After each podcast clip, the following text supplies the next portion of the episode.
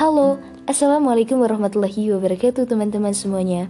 Ahlan wa sahlan, kembali lagi di podcast Bincang Mimpi. Hari ini, aku pengen beropini tentang suatu hal yang seolah-olah tabu Di lingkungan masyarakat sekitar Atau mungkin kita masih menganggapnya bahwa itu tuh kayak something weird Kayak itu tuh aneh. Apa itu? Ya, cowok skincarean wajar nggak sih kalau ada cowok terus dia pakai masker maskeran serum terus dia cuci muka atau dia uh, pakai sunblock gitu ya. Wajar nggak sih kalau cowok seperti itu? Menurut aku pribadi teman-teman itu sangat wajar. Kenapa? Karena ya fungsi dari masing-masing seperti sabun cuci muka serum itu kan memang untuk perawatan ya dan bukan cuma cewek doang yang mau perawatan. Yang mau istilahnya itu wajahnya bersih glowing glow up gitu kan. Ya nggak cuma cewek doang. Dan of course cowok itu boleh banget pakai skincarean seperti itu. Dan bukan istilahnya itu hal yang berbau kewanitaan. Dan matian ya skincare itu bukan untuk cewek doang ya sabun cuci muka itu juga termasuk skincare loh jadi kita jangan menganggap tabu orang-orang mungkin ada cowok-cowok yang suka beli serum atau dia suka untuk masker selagi itu hal yang wajar dan tidak boros gitu ya. Insya Allah itu diperbolehkan teman-teman. Dan juga ada fenomena lain nih yang aku sering lihat gitu ya bahwa kalau cowok skincarean itu tuh kayak dianggap meniru-niru perempuan. Padahal konteks skincare adalah skin and care. Jadi perawatan bukan untuk mengikuti wanita. Jadi itu sih menurut aku perbedaannya. Jadi wajar banget sih kalau cowok mau pakai skincare, mau pakai serum, ya silakan teman-teman selagi sewajarnya ya. Dan juga perhatikan juga skincare-nya jangan untuk cewek karena kulit cowok itu memang kata Ustadz Khalid Basalama dia mengatakan bahwa memang dalam secara penelitian pun juga ya teman-teman bahwa tipe kulit cowok itu memang lebih tahan banting gitu loh. Dalam artian lebih kuat.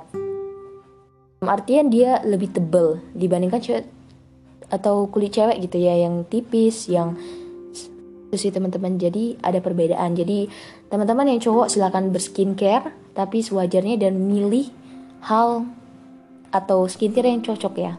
Jangan lupa terus ada lagi seperti cowok itu nggak ada stigma lain ya teman-teman yang stereotip lain yang aku dengar cowok tuh nggak boleh nangis cowok tuh harus kuat. Cowok itu jangan kayak cewek deh dikit-dikit nangis. Menurut aku pribadi kalau pandangan aku ya ya namanya manusia punya emosi. Cowok juga punya air mata dan dia bisa keluarin air mata itu kapan saja. Jadi jangan mendowngrade kan gitu ya si cowok-cowok yang mungkin dia nangis dia ekspresif dia mengeluarkan air mata terus kita bilang gitu aja kok lemah banget. Kayak cewek aja loh.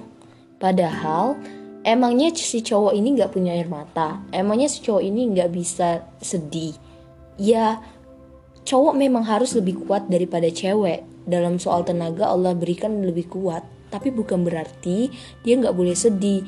Bukan berarti seolah-olah dia cowok karena dia cowok gitu ya kita memandang dia itu bukan manusia dia tuh kayak Iron Man. Juga manusia loh gitu loh. Jadi dia sebagai cowok itu juga punya rasa sakit hati. Dia juga punya rasa kasihan. Dia juga punya rasa baper. Dia juga punya air mata yang mau dia keluarin. Ya namanya juga manusia teman-teman. Memang Allah titipkan kodrat yang berbeda Antara cewek dan cowok. Jadi juga manusia jadi bukan berarti dia karena dia cowok kita boleh pukul dia. Dia nggak boleh balas.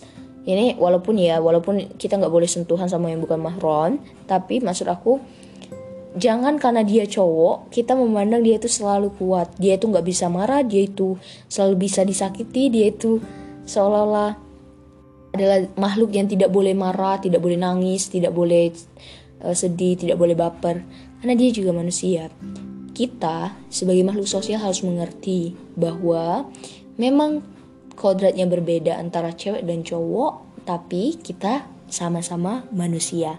Saling menghargai, saling menghargai posisi cewek dan cowok itu penting banget, apalagi di lingkungan persekolahan. Kita juga harus jaga batasan nih antara cewek dan cowok. Oke teman-teman, mungkin segitu dulu opini aku hari ini. Semoga apa yang aku sampaikan bisa mengembangkan lagi pikiran kita dan sama-sama membangun bangsa ini untuk terus berkarya, untuk terus membangun mindset yang baik. Terima kasih teman-teman. Sampai berjumpa lagi di next episode. Thank you. Assalamualaikum warahmatullahi wabarakatuh. Barakallahu fiqh.